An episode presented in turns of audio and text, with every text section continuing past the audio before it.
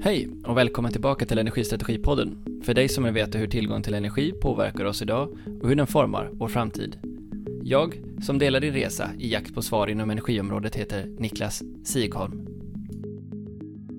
Öresundskraft är det regionala energibolaget i Helsingborg.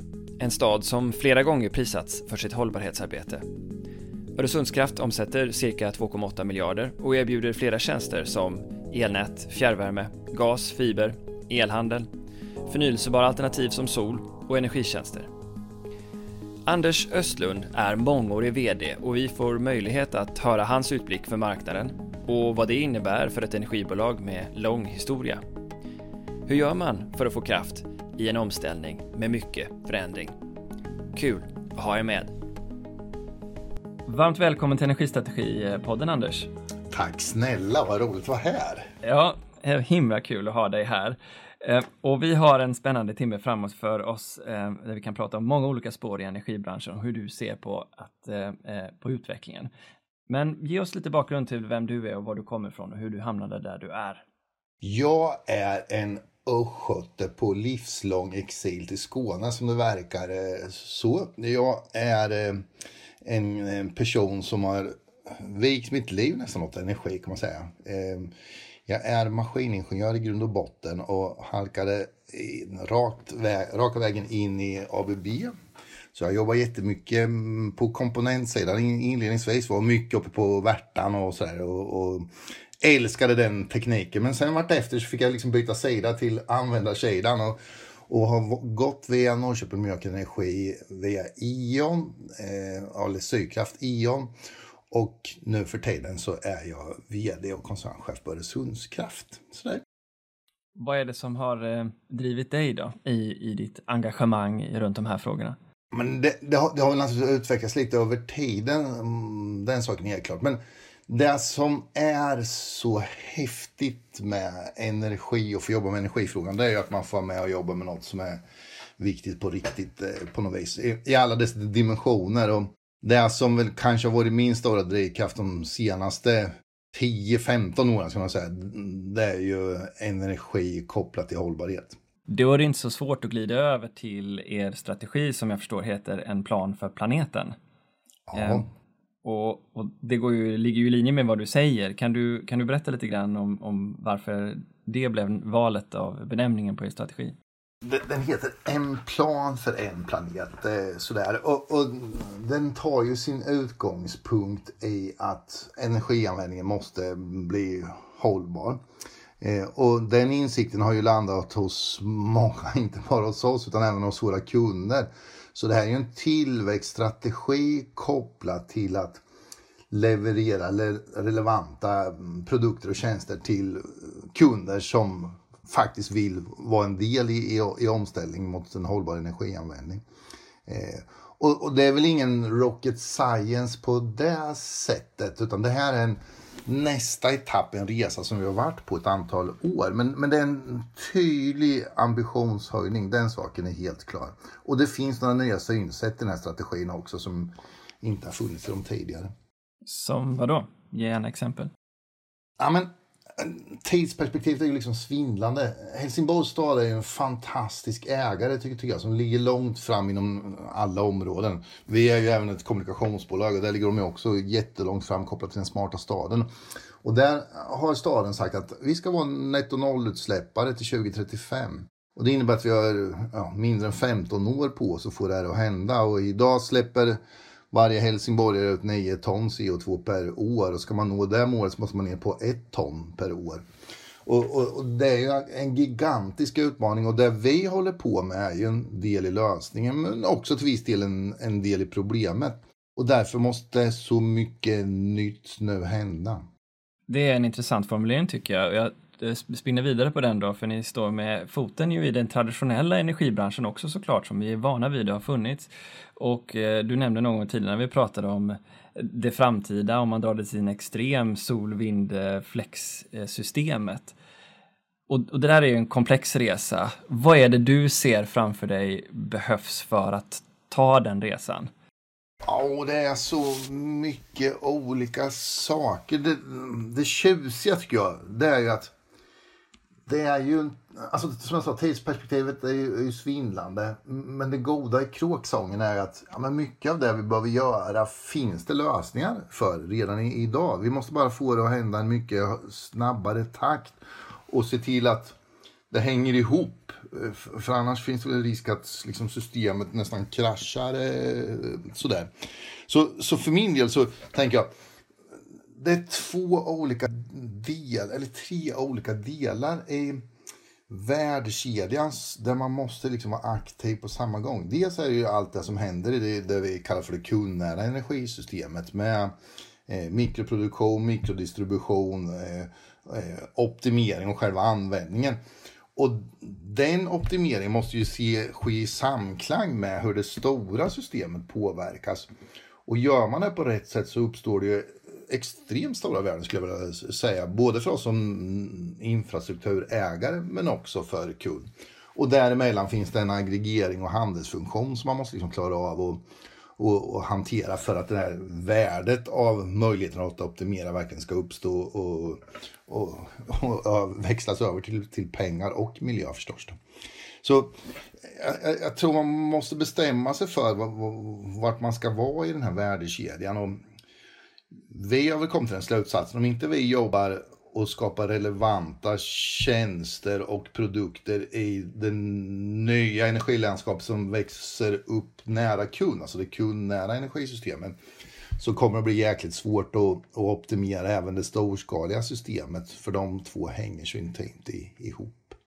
Om vi börjar med det som är, är kundnära nu då, så är de experter jag pratar med, de visar ju på att kalkylerna nu exempelvis för sol och batterier börjar bli ja, rent ut sagt klart lönsamma mm. för många fastighetsbolag.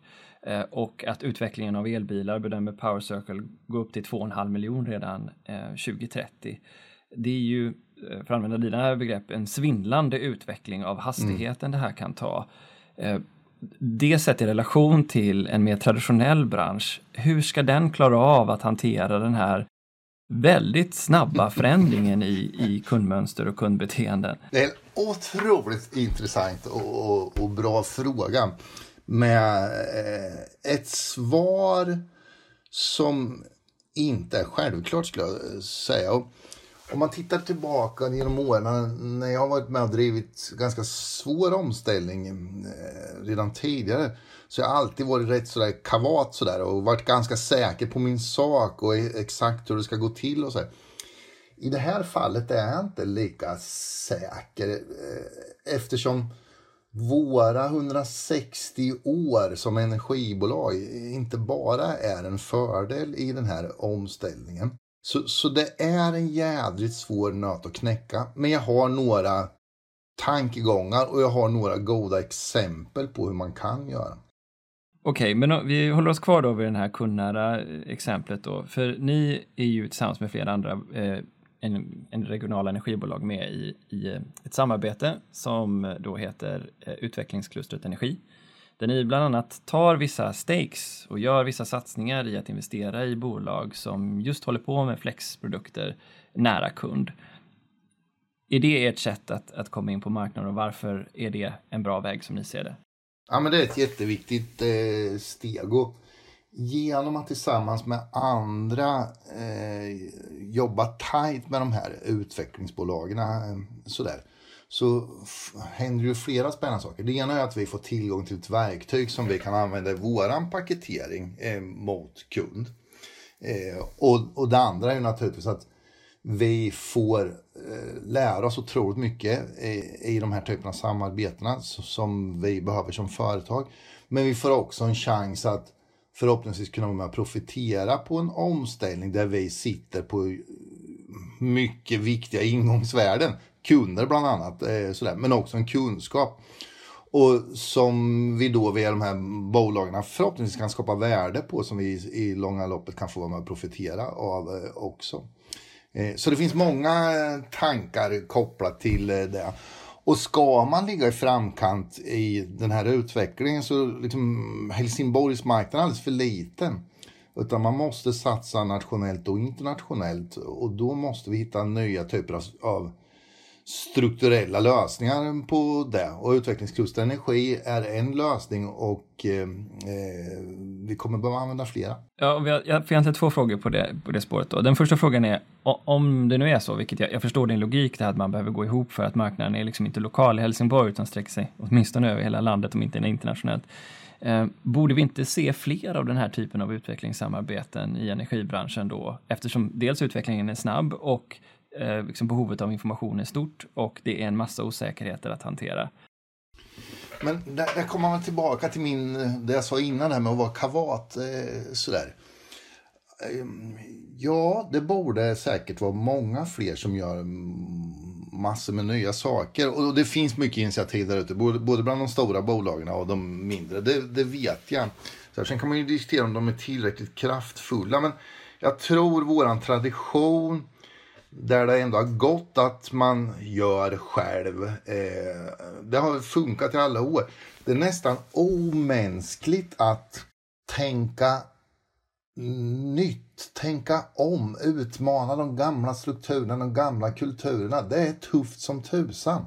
Och det här jobbet som vi har gjort tillsammans, det, det har inte bara varit en dans på rosor, det ska gudarna veta, utan det är jättetungt i dörröppningen. Men när man väl har fått in foten i dörren och liksom bara fått den på väg gavel, då inser man tjusningen med den här typen av samarbeten.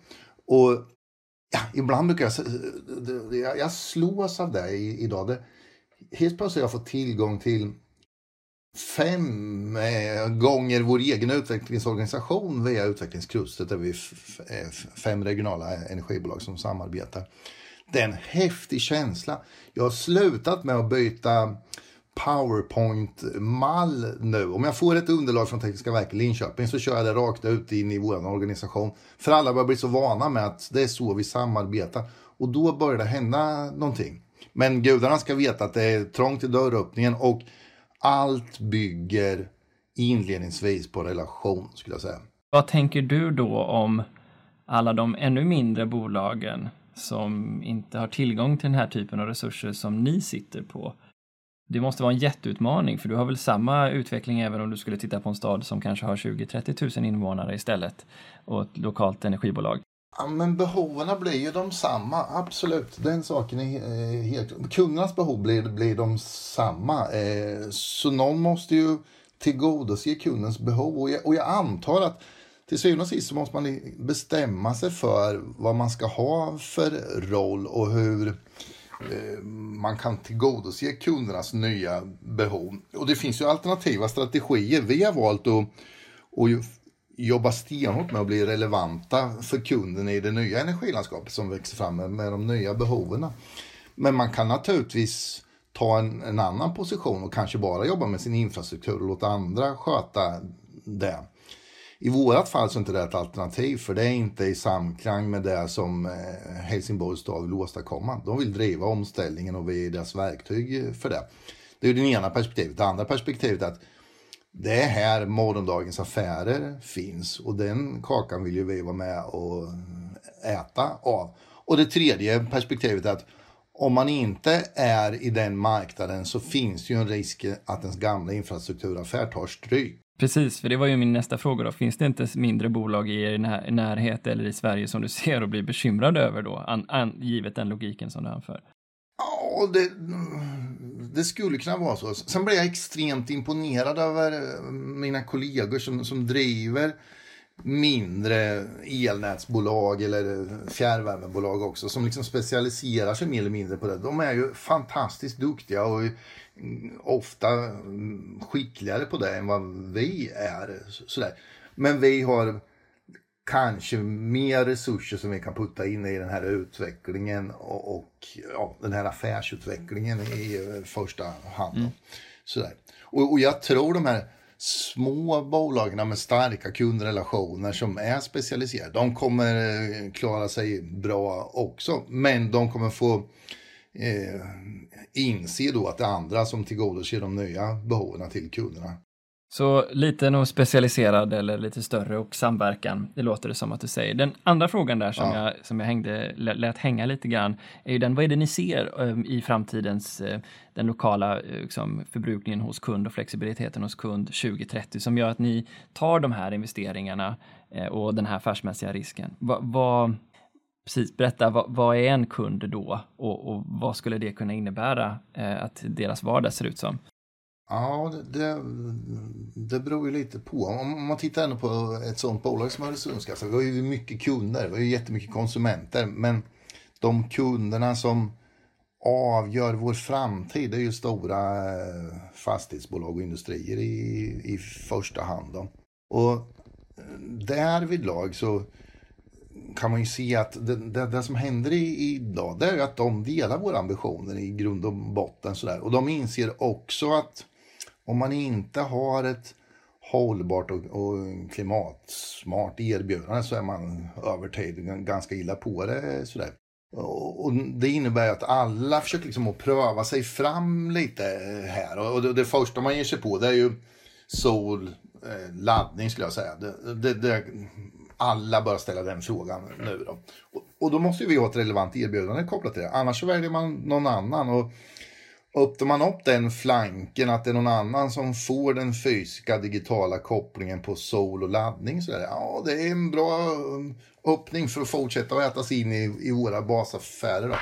Så det vi försöker göra just nu det är att komplettera det vi är jävligt duktiga på. El, värme, gas i vårt fall. Eh, då, med att se till att vi har relevanta erbjudanden för det som faktiskt står högt upp på kunder som hänger med nu. Eh, så, sol, laddning, ganska snart också lagring och optimering ovanpå på där. Det är liksom här, det är den gruppen vi står i nu.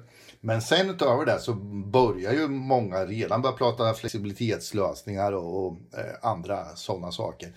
Så det är ju där vi driver våran utveckling nu. Vad är nästa steg i eh, framtidens affär?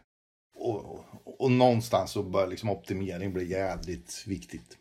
Eh, jag tolkar dig då som, får du rätta mig om jag säger fel, att du tror att den här typen av installationer med solbatterier eller andra former av lagring kommer vara vanligt hos stora kunder 2030? Ja, och inte bara stora, det kommer att vara överallt. Så jag, jag, jag tror ambitionen måste ändå vara att det ska sitta solceller på varje tak där det, det gör nytta. Och sitter solcellerna där så kommer laddningen och lagringen ja, som ett brev på posten också vartefter. Mm. Om vi då går på den andra aspekten som du nämnde i inledningen då, du var nära kund och flexibilitet nära kund och särskilda lösningar där, och så kom du in på elhandel och det, det för ju mig på marknadsdesign då. Hur hur ska den här marknaden designas så som du ser det så att elnäten kan fortsätta utvecklas för att bli robusta och stabila som jag ser i er strategi att ni jobbar mycket med. Eh, men också då att det ska finnas utrymme och intjäningsförmåga för den här typen av flextjänster som kunder gör investeringar i. Nu du Niklas, nu är du på någonting som jag kan prata. ja, det är ganska medvetet. prata länge om så. Men jag, jag skulle vilja låt mig få flyga ut eh, lite eh, innan vi flyger in. Eh, så, så jag, jag, tänker att utmaningen som vi har kopplat till elanvändningen är ju stor. Och jag skulle påstå att vi har ingen riktig plan. När jag säger vi så tänker de på samhället i stort för att hantera den stora utmaningen. Och vi i Skåne upplever ju den något i fruktansvärt eh, kraftfullt just eh, nu. Med svårigheter med elkvalitet. Vi har varit i situationer där det inte är faktiskt så långt ifrån att det mm, blir stora störningar. I den här vintern till exempel så behövde vi köra vår eh, extra stora kraftvärmeanläggning som körs ganska lite. Utan den så hade Mm, hade det blivit svart eh, i alla fall vad mina kompisar berättade för mig. Så, så, så marginalerna börjar bli små. Prisområdesdifferenserna är ju gigantiska. Det är en sån sanslös konkurrensnackdel att vara ett företag i Skåne. Så, så det borde skrikas mycket, mycket mer om det. Och med det utgångsläget så ska man också då lägga på att elanvändningen behöver öka för att vi ska nå den här hållbara energianvändningen. Sådär. Och den ekvationen är jäkligt svår att lösa eh, med traditionellt synsätt men även med nytt synsätt. Men, men helt klart är det så. Det är många olika delar som måste utvecklas. Både när det gäller tillförsel, eh, alltså med sol och vind och vad det nu månde vara, men också med bas kraft och, och, och kvalitetstjänster på nätsidan. Och så måste man jobba som tusan på eh, hur distributionssystemet är uppbyggt. Och allt det måste matchas med vad kunderna kan bidra med för att upprätthålla kvaliteten i elnätssystemet genom flexibilitetstjänster. Så, så det, det, är en otroligt svår fråga och den måste bara lösas nu. Ja, du nämner ju alla stegen i värdekedjan där eh, som mm. behöver gå igenom förändring. Nu har vi då vad vi brukar kalla för en energy only-marknad eh, och ni har ju bland annat varit ute tidigare och pratat om behovet av reform av den. Vad är det för typ av design du skulle vilja se eh, för att skapa det här hållbara systemet som ni önskar? Ja, men eh, det måste naturligtvis in olika typer av flexibilitetslösningar i det här. Det måste finnas eh, värde. Man måste kunna få betalt för att man hanterar andra systemtjänster än bara leverera energi. Upprätthålla balans, upprätthålla eh, eh kvalitet, svängmassa och vad de nu kallar det för. Eh, så jag, jag tror vi kommer behöva hitta det. Det går inte att lösa det med energy only. Eh, bara. Det, där tror jag de flesta bara liksom bli eh, överens nu. Problemet med den här frågeställningen är att den, blir, den är så otroligt politiserad. Så det jag saknar mycket det är ju den här mm, planen för hur vi ska ta oss från ett ganska kritiskt eh, nuläge till den visionära lösningen, det vill säga solsamhället med utökad elanvändning. Vad är planen framåt eh, för det? Vad är strategin för att göra den förflyttningen? Och i sånt fall, vad är det för styrsystem som måste till för att det här ska fixas? Och ganska ofta så pratar ju vi om, om våran reglering och så här. Jag, jag tror inte ett jota på att regleringen ska ligga i framkant på den utveckling som kommer krävas. Utan vi, vi måste testa på helt andra sätt. Och behovet av regulatoriska sandlådor är jättestort. Mm, vad betyder det? Jag kan utveckla det. Ja, ja, ja men att man kan, kan testa eh, andra typer av eh, affärsmodeller i, i slutändan. Andra typer av eh, relationer mot eh, kund och producenter som eh, på ett bättre sätt eh, tillgodoser den här flexibiliteten Eh, men om man ska börja med att hitta en reglermodell för det, då lär man aldrig bli färdig. Utan man måste våga och testa. Det är lite som att förutspå tekniken innan den har hänt och reglera för Ja, skulle jag, skulle jag säga. Och, och det, det, kanske inte är något problem, men du vet, vi är tillbaka till våran 160-åriga historia. Så det sitter lite i väggarna. Det första man säger när man diskuterar någonting, det är vad säger regleringen? Eh, och i det här fallet så tror jag inte regleringen kommer lösa det åt oss utan vi måste komma på idén att få man reglera det sen. Hur skulle det rent politiskt kunna gå till då som du ser? Vad är det du efterfrågar här om, om en politiker sitter och lyssnar på detta exempelvis? Vilken är din appell? Jag tycker att det finns många som inte gör sitt jobb tillräckligt bra. Och vi i branschen är en av dem med att skapa en förståelse eh, för situationen och sätta den här planen framåt. Om du tänker, det är ganska intressant om du, om du ser vad som händer i debatten.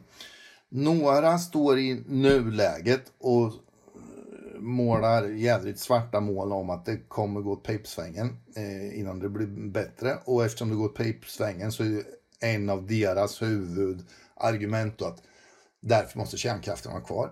I den andra änden står de som säger att nej, det är solsamhället som är eh, lösningen. Eh, och därför så kan vi absolut inte satsa på kärnkraft för det stör eh, utvecklingen från nuläget till den visionära lösningen. Då. Men det här är ju mycket viktigare än så. Man kan vara överens om nuläget, man kan vara överens om eh, slutmålet. Men det viktigaste just nu är att sätta strategin däremellan. Och det slutar inte med, det varken börjar eller slutar med att diskutera kärnkraftens eh, framtid. Man måste prata användning, tillförsel och distribution på, på samma gång. Och då blir det jäkligt komplext. Och törs man inte ta den komplexa frågan och förenkla den, sätta några tydliga övergripande mål och några grundläggande strategier, så riskerar man att gå bet. Och idag finns det ingen plan. Jag hör ingen eh, uttrycka den strategin på ett eh, tydligt sätt.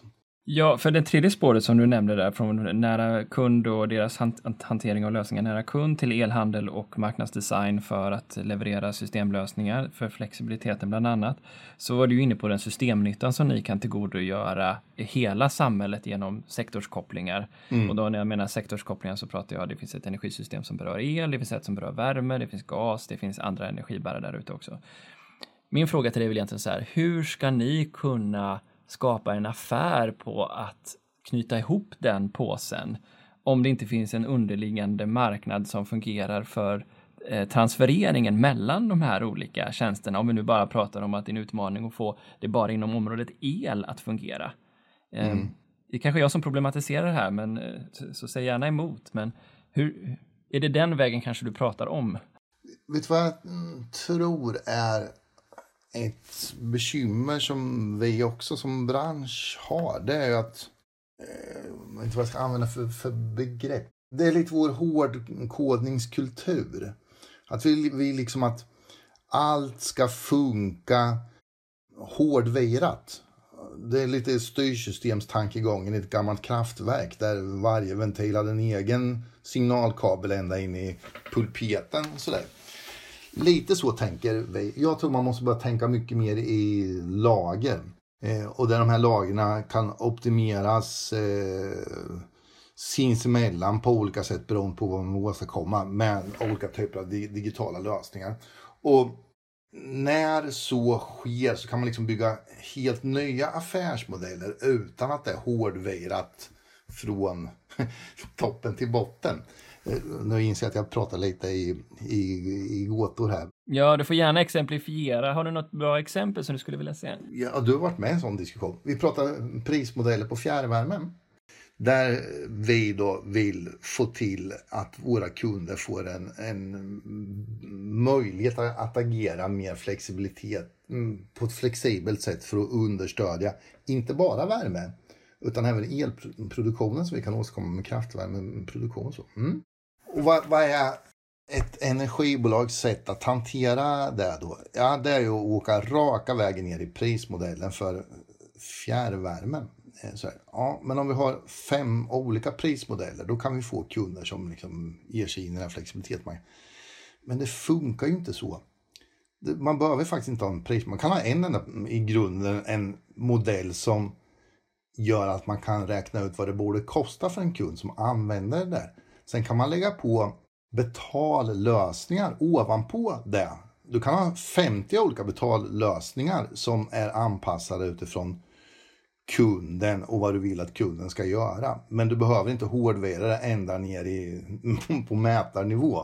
Eh, så där tror jag man går bort sig ofta, att vi gör det för komplext. Vi fick ju till exempel reda på nu att det är ett satt ett datum för när den här 15 minuters eh, avläsningen ska ske på elnätssidan och fjärrvärmen går ju också tekniskt framåt och kan gå in i kortare och kortare tidsintervaller med nya mätare. Det här skulle då i så fall, nu är det jag som tolkar det här, men det här skulle ju kunna innebära att om jag har, säg solceller, batterier, fjärrvärme i mitt hus så skulle jag kunna med överskottsenergin både balansera energin via batteriet och via värmen om jag så vill och kunna ha ett pris för den så att säga, nyttan eller behovet som jag har ja. i min fastighet. Är det så du tänker? Absolut, det, det, det ditåt jag tror det kommer. Där, kunden sitter ju på en resurs där som kunden idag inte kan få betalt för. Men även om kunden kunde få betalt för att vara en resurs i det energisystemet så blir det ju otroligt komplext. Och vi vill ju inte att alla ska använda sin tid och sitta och fundera på när man ska göra rätt saker utifrån ett systemperspektiv. Det kommer inte funka. Det ska ju vi göra åt kunden, men vi ska dela den kakan med kunden eh, för att vi får använda deras resurs. det, det behöver inte hårdviras på det sättet, utan den optimeringen borde vi klara av att göra och vi borde kunna på ett enkelt sätt få kunden att få sin del av den kakan. Om jag då är lite mer dyster och mörk i min utsiktsblick här och får testa en idé eller en åsikt på dig, får se hur du reagerar på den. För att om det är så att vi behåller den här hårdkodningen och använder den terminologin, terminologin du har haft, så finns ju uppenbarligen en risk både för att eh, vi drabbas av de här eh, eh, ja, behoven av nedreglering i värsta fall när vi har sån stor brist på effekt att vi eh, inte helt enkelt klarar av att leverera tillräckligt med ström vilket ställer stora krav på, eller kanske önskemål från kunderna om ökade flexibilitetslösningar för att frikoppla sig från den här risken å ena sidan då.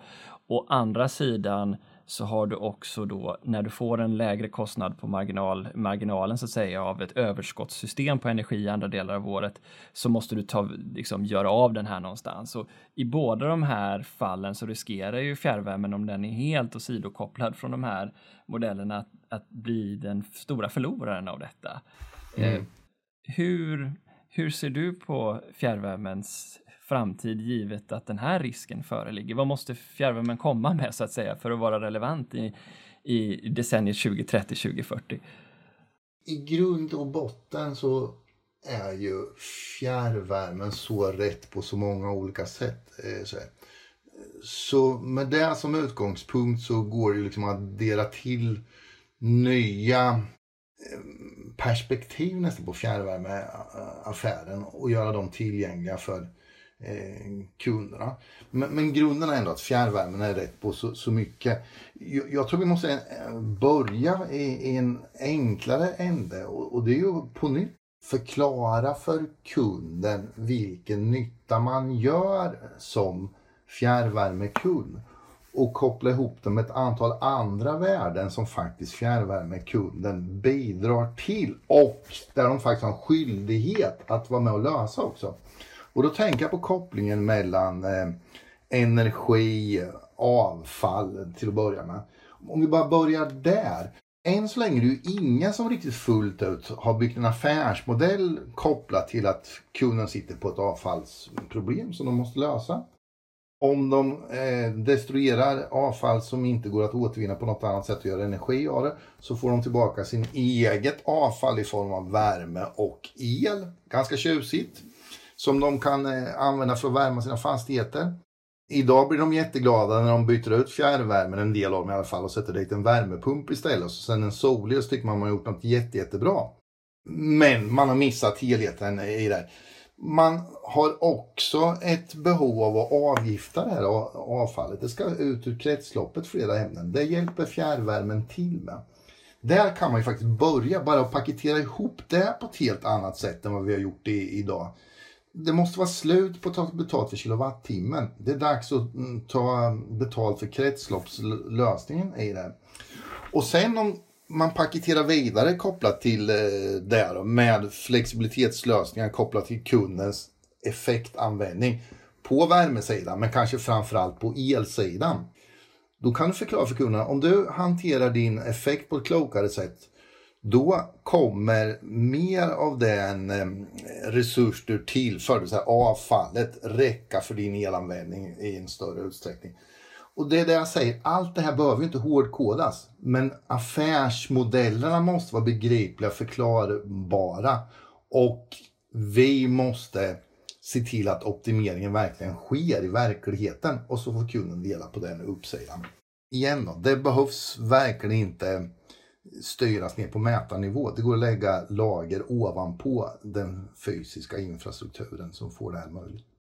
En utveckling är ju det här med CCS som ni också har varit eh, med och utreda eh, lokalt och bland annat så gick ni ut och sa att eh, det här är en, en produkt som ni skulle vilja utmana politiken om att satsa på. Men samtidigt för den med sig konsekvenser att den tar upp en stor del av den el som ni producerar i Fibonaverket och också en femtedel av den värmen. Hur går de här pusselbitarna ihop så som du ser det? Ja, men det, det är tillbaka till det som är rätt på riktigt. Eh, och, och det bästa får inte bli det godas fiende. Eh, sådär. Och jag tror att CCS är helt nödvändigt för att knäcka mm, den stora utmaningen. Eh, och alternativet just nu är ju till exempel att bara lägga plast på hög någonstans tills vi har knäckt eh, CO2-problematiken. Det, det, är inte görbart utan här, här måste vi få till CCS tror jag för att vi ska eh, knäcka koden. Eh, och det är naturligtvis också tror jag en, en förutsättning för fjärrvärmens fortlevnad. Alltså när man ändå börjar titta på fjärrvärmen så står den för ganska stora CO2-utsläpp i Helsingborg. Och det måste vi göra någonting åt. Sen kan man alltid stå och skrika om att det är faktiskt någon annan som är, är, är källan till den här problematiken som vi löser på dem. Men det kommer man inte kunna skrika så länge till om. Utan här måste det fram lösningar och då är CCS eh, helt nödvändigt. Men hur blir det då med tanke på effektbehovet i, i Helsingborg och den nyttan som du själv beskrev i början att ni nästan måste stå för om, om eh, det ska finnas tillräckligt med, med, med kräm i kablarna? Ja, ja men desto viktigare att jobba med kundens eh, e-, effekt, EKG eller vad man ska kalla det för. Att kunna eh, faktiskt få använda deras flexibilitet på ett klokt sätt Eh, så här. Det kommer vara otroligt viktigt. Sen i våra fall så, vi, vi måste ju se till att upprätthålla eh, kapaciteten på elsidan via andra anläggningar. Och det är klart, lite beroende på vad man får betalt så kan det ju tänkas att det kommer löna sig att köra kraftvärme i, i eh, den andra anläggningen. Det var mycket bättre elutbyte. Så. Det finns ju, om vi pratar om lager här så finns det ju flera lager där ni, ni är ju på många av dem så att säga.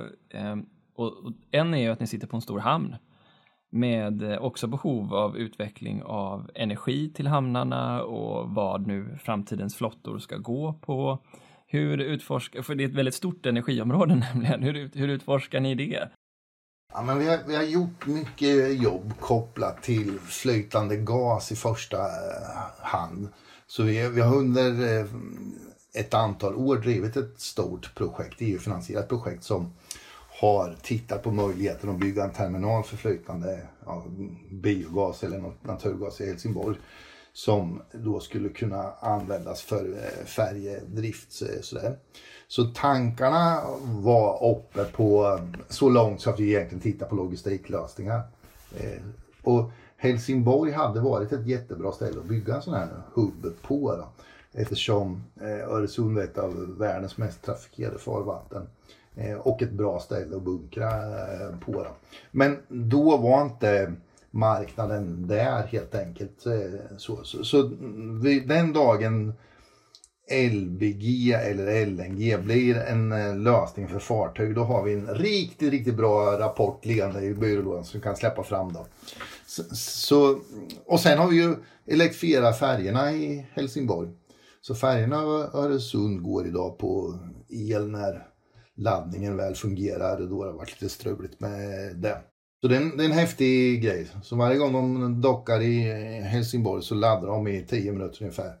10 megawatt. Hur viktiga kommer hamnarna att, att, att bli och vara ur ett energisynpunkt som du ser det? Ja, men jag tror hamnarna kommer bli jätte, jätte viktiga. Eftersom hamnarna kommer vara en stor förbrukare men också en logistikpunkt som kommer vara otroligt viktig. Och I vårat fall så ser vi framför oss också att eh, hamnen kommer vara en utskeppningspunkt för CO2 i, i slutändan. Då. Så det kommer vara viktigt. Och Helsingborg satsar stenhårt på sin hamn och troligtvis så blir det en hamnflytt här några år för att frigöra yta i centrala Helsingborg. Och då finns ju alla möjligheter att bygga den smartaste och modernaste tekniken. Det pågår ju flera diskussioner om att knyta ihop Helsingborg närmare med Danmark. Mm. Kan du berätta lite om den utveckling som Helsingborg som stad står inför eftersom det ju också påverkar er som energibolag? Ja men absolut. Ja, men Helsingborg är väl ungefär som eh, de flesta eh, mellanstora svenska städer. Det växer så det knakar. Eh, kommer öka kanske med 50 000 invånare de närmsta 30 åren är väl tankegången. Och man är mer och mer en del i Köpenhamnsregionen kan man säga. Sådär. Och för våran del så har ju liksom färjetrafiken över sundet varit en som viktig del i, i staden på alla sätt kan man säga. Tanken är ju ändå att man vill få till en fast förbindelse. som då skulle göra att man får en, en ringförbindelse över sundet. Sådär. Och just nu så pågår det ju ett, ett ganska mm, hårt, en hård diskussion om vart det är smartast att, att bygga den här nya överfarten. Så det finns tre alternativ nu. Och i, i gammal god skånsk ordning så har man ingen samlat budskap utan här krigar lite varje, varje eh, stad för sig. Men Helsingborg har ju en tankegång om en tunnel. Ja, för eh, ni har ju också om jag förstått saken rätt så har närmare ner samarbetsmässigt också. Det kom ut eh, nyheter om en ny innovationshubb i The Greater Copenhagen och Öresundsregionen tillsammans. Um, ja. vad, ger, vad ger den miljön och det samarbetet er? Alltså just, just den biten har jag inte sett så mycket av än så länge. Det händer jättemycket nere i, i, i Skåne och eh, vi har en region som är jäkligt aktiv och sådär. Eh, men nu bör det hända någonting i, i det samarbetet i Greater Copenhagen som man kallar det för regionen. Och, och det är ju den här nya gröna satsningen nu. Så det ska bli jäkligt intressant att se vad som kommer ut av den. Bland annat har man ju pekat mycket på vätgasspåret och att man ska jobba med gemensam utveckling kopplat till det. Ja, vi har inte nämnt vätgasspåret något, men det finns flera städer i Skåne som verkar vara intresserade av att just antingen bli hubbar för vätgas eller att satsa extra på vätgas. Hur, är det en, en överspillan från eh, e EU-strategin om, om satsningen på vätgas och i, i, så fall hur skulle det påverka er region? Ja, men jag, jag, jag tror det kommer jättemycket från eh, det och, och, och, också en, jag vet inte, kanske lite den här tankegången om att det finns gott om vindkraft som behöver lagras och, och sådär. Och, vätgas är ju de sto det stora talens spel kan man ju säga. Sådär. Och jag, jag tror kanske inte alla förstår det än att ska man kunna bli en, en stark aktör in, mm, inom vätgas då måste man bygga storskaliga anläggningar. I alla fall så som det ser ut nu. Och eh, ska man bygga storskaliga anläggningar så måste man ha någon råvara som är billig. Eh, och i vårat fall så har vi tillgång till naturgas i vårt fall i Region Skåne kan man säga, så är det naturgasen som idag är basråvaran till den eh, eh, vätgasframställan som finns redan i regionen idag. Men den är ju inte det man tittar på utan det är ju faktiskt elbaserad eh, vätgasframställan. Och då hamnar vi i en annan, faktiskt ganska problematisk lösning. Det finns inget överskott på el i, i Skåne idag. Det finns för dålig överföringskapacitet för förnyelsebar el från norr och i alla fall vad de säger i norr nu det är att de ska ha elen själva där. Så det är väl som vanligt när det kommer till de här svåra frågorna kring energisystem. Så fort det kommer ett halmstrå då, då vaknar alla till liv. Det är lite som med CCS också. Nu kom räddningen och då är alla på det. Men det finns många, många svar kvar att eh, få innan det är en företeelse som funkar bra i Skåne. Inget Alexanderhugg här alltså i alla fall. Det är det inte. I, i sånt fall, det, som, som jag ser det, så måste det byggas eh, Eh, storskalig havsbaserad vindkraft eh, runt om här. Då. Och det är ju problematiskt har vi lärt oss. Ja, för jag har lite grann probat eh, utvecklingsidéerna och förmågan till lagring eftersom ju batterier inte än idag har den förmågan att kunna lagra någon längre period. För det skulle ju vara det ena spåret till att lösa den effektproblematik ni sitter på. Men den andra delen då, ett, ett kraftigt tillskott av någon form av energiproducent, havsbaserad vindkraft eller vad det nu kan vara. Ser ni, ser ni det komma nu då som någon form av komplement? Eller vad är det som ska ge, om vi nu ökar tillgång eller behovet av el överallt i flera sektorer, eh, i flera delar av flera värdekedjor? Jag, jag, jag ju alldeles nyss att jag, jag ser inte planen. och jag, jag, jag, jag, jag måste erkänna, hade jag suttit på planen så hade jag varit mycket frispråkig med den. Men jag gör faktiskt inte riktigt det idag. Det, det, är, det är för mycket utestående frågeställningar som måste redas ut. Och det vi har propagerat för och som nu har kommit till stånd det är ju den här skånska effektkommissionen. Nu finns den där. och och, och förebilden var ju Energikommissionen på nationell basis då, då, där man jobbar med kunskapsuppbyggnad och sen så pratar man om frågeställningar utifrån alla perspektiven, både tidsmässigt men, men också vad som finns i den värdekedjan. Det ska bli otroligt intressant att se vad vi kommer fram med. Men att man måste jobba i alla dess delar, tillförsel, distribution och användning, det är jag helt bombsäker på. Vilka ingår i, i den skånska effektkommissionen? Alltså, det är ju Region Skåne som är eh, den sammankallande så att säga. Och sen är det ju en blandning mellan energibolag och eh, kunder och andra och politiker. Då, då. Så, och tanken är ju liksom att hitta både en målsättning och de viktigaste strategierna för att, att säkra elsystemet i Skåne över tid. Ja, men tillåt mig att bli lite dramaturgisk då. Kör hårt. Ja. Om vi ser en, en utveckling där varannan bil i Sverige är en elbil eh, till 2030 mm om vi ser ett ökat behov av investeringar och elektrifieringar, dels i form av fabriker som går över till mer elektrifiering, men dels insourcing av internationella varuflöden som gör att fler vill koppla tillbaka sin produktion och därmed automatisera den mer, varav de blir mer elberoende också. Vi ser ett större behov, inte bara från färger utan andra transportslag som kort eh, inrikesflyg och liknande.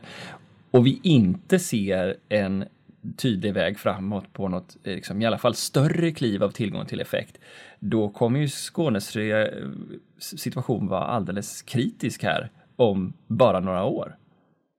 Jag vet att du säger att det kanske redan är det, men min fråga är, vad sjutton?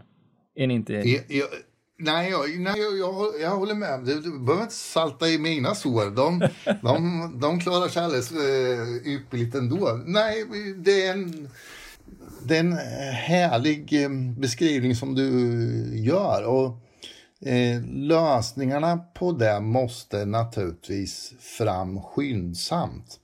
Och jag är tillbaka i, i, i det.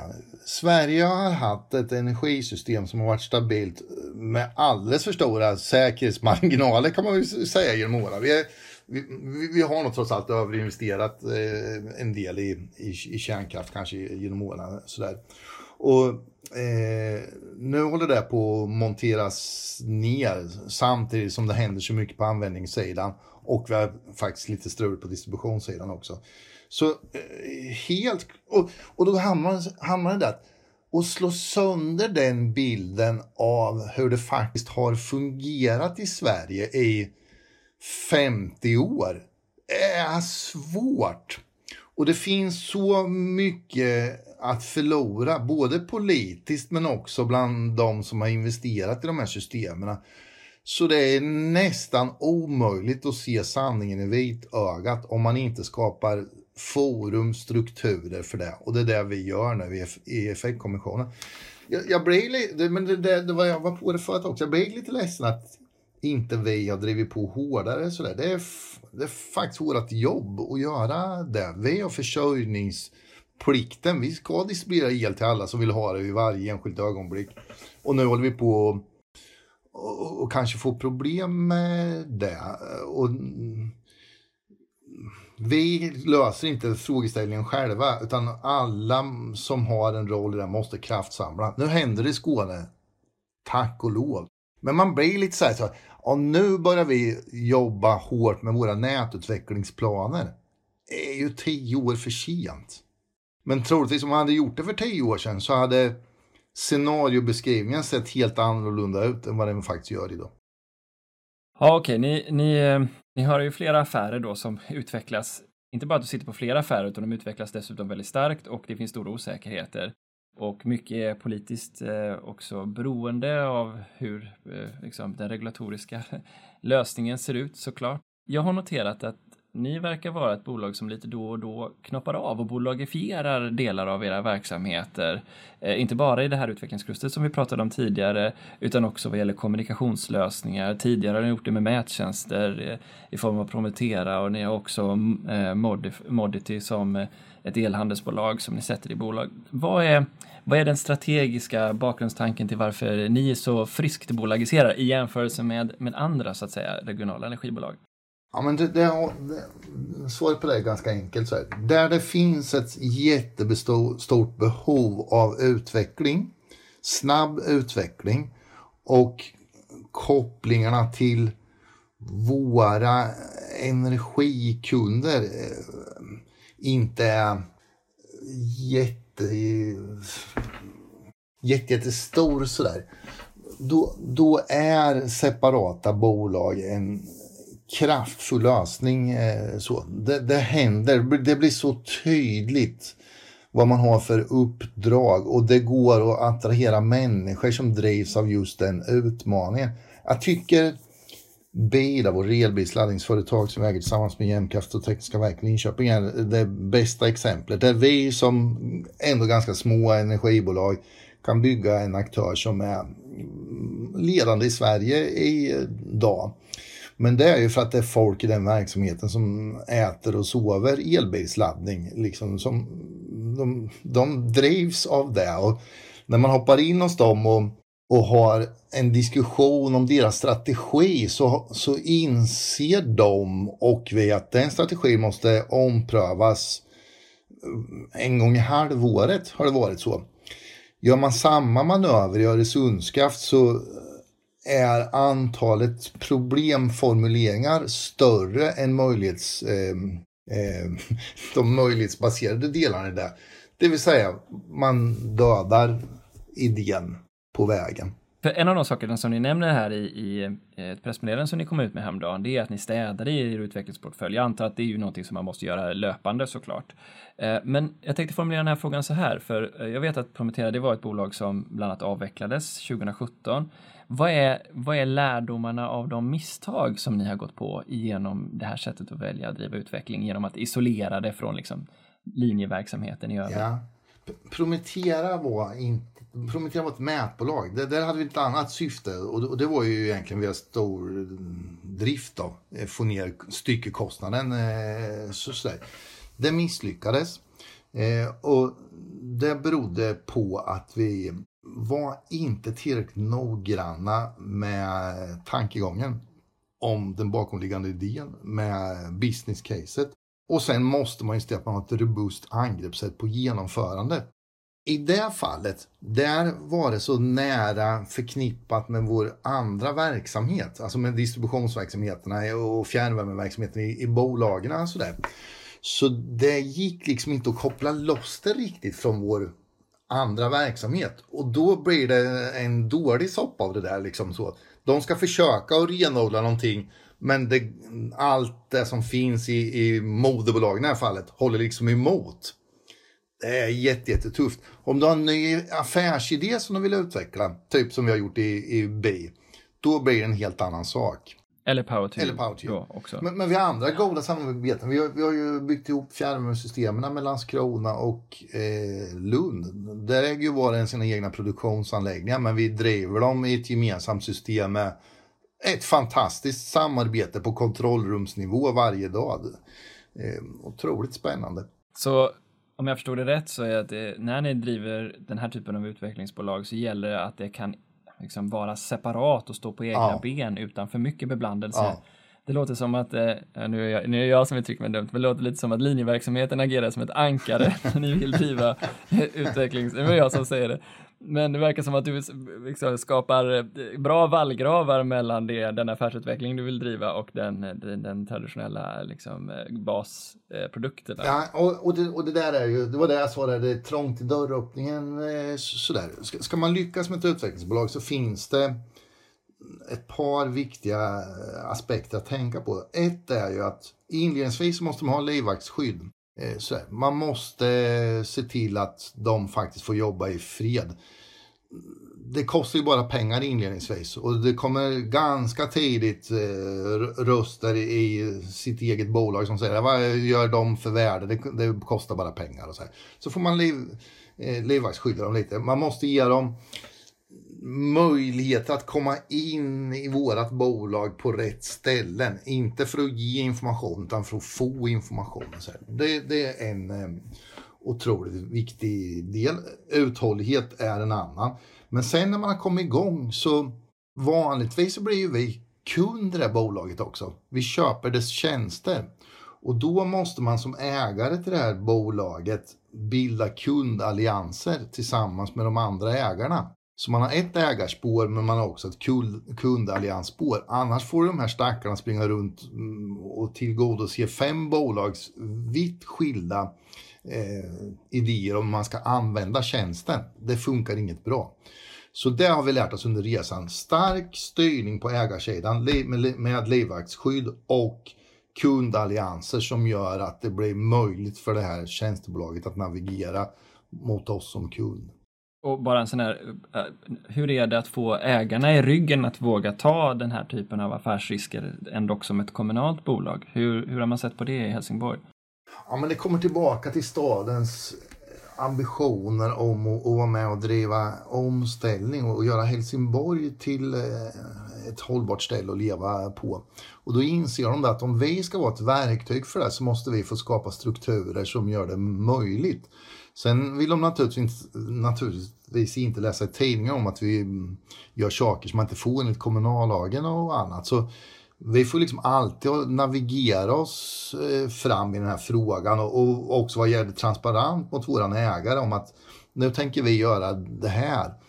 Och än så länge på mina 12 och ett halvt år med Helsingborgs stad så har de aldrig sagt nej till någonting. Men det är klart att jag ofta fått frågan, du Anders förklara för mig varför det här blir bra för, för en helsingborgare. Och har man ingen tankegång om det då så gör det inte. Vad i, i den utvecklingen som vi är inne i just nu tycker du är häftigast? Det är så mycket som är häftigt. Det har varit enkelt att säga att det är elfordon som är det häftigaste. För det är så påtagligt. Och du vet, vi, vi var med och rörde upp damm kring den frågan för tio år sedan. Och, sådär. och idag har vi en substantiell affär runt det. Det, det är ju häftigt som eh, tusan. Jag tycker nog ändå att det häftigaste är den här optimerings... Eh, transformationen vi är inne i, alltså synsättet på att vi alla sitter, vi är en del i en helhet. Och om vi gemensamt optimerar den helheten så finns det en kaka att dela på, både miljömässigt och ekonomiskt. I den materien, där, där tycker jag är den häftigaste eh, omställningen.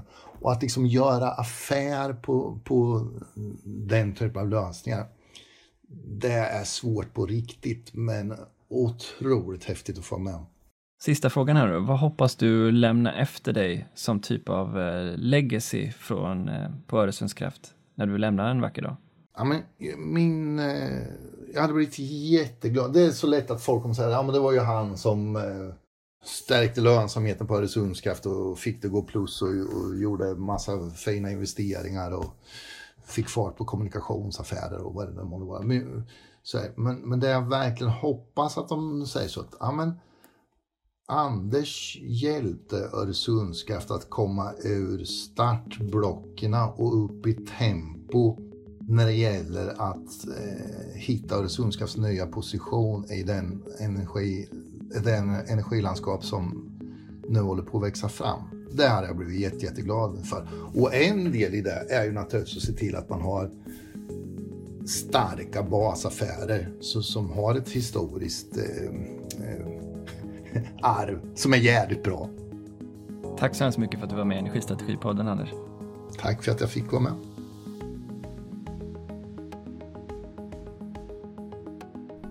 Nästa vecka gör vi en lång resa och byter helt sida av landet. Jan Fjordell är VD för Tekniska verken i Kiruna som möter en helt annan verklighet. En där värme snarare finns i överskott och LKABs satsningar är centrala för förutsättningarna. Det blir spännande. Ta hand om er.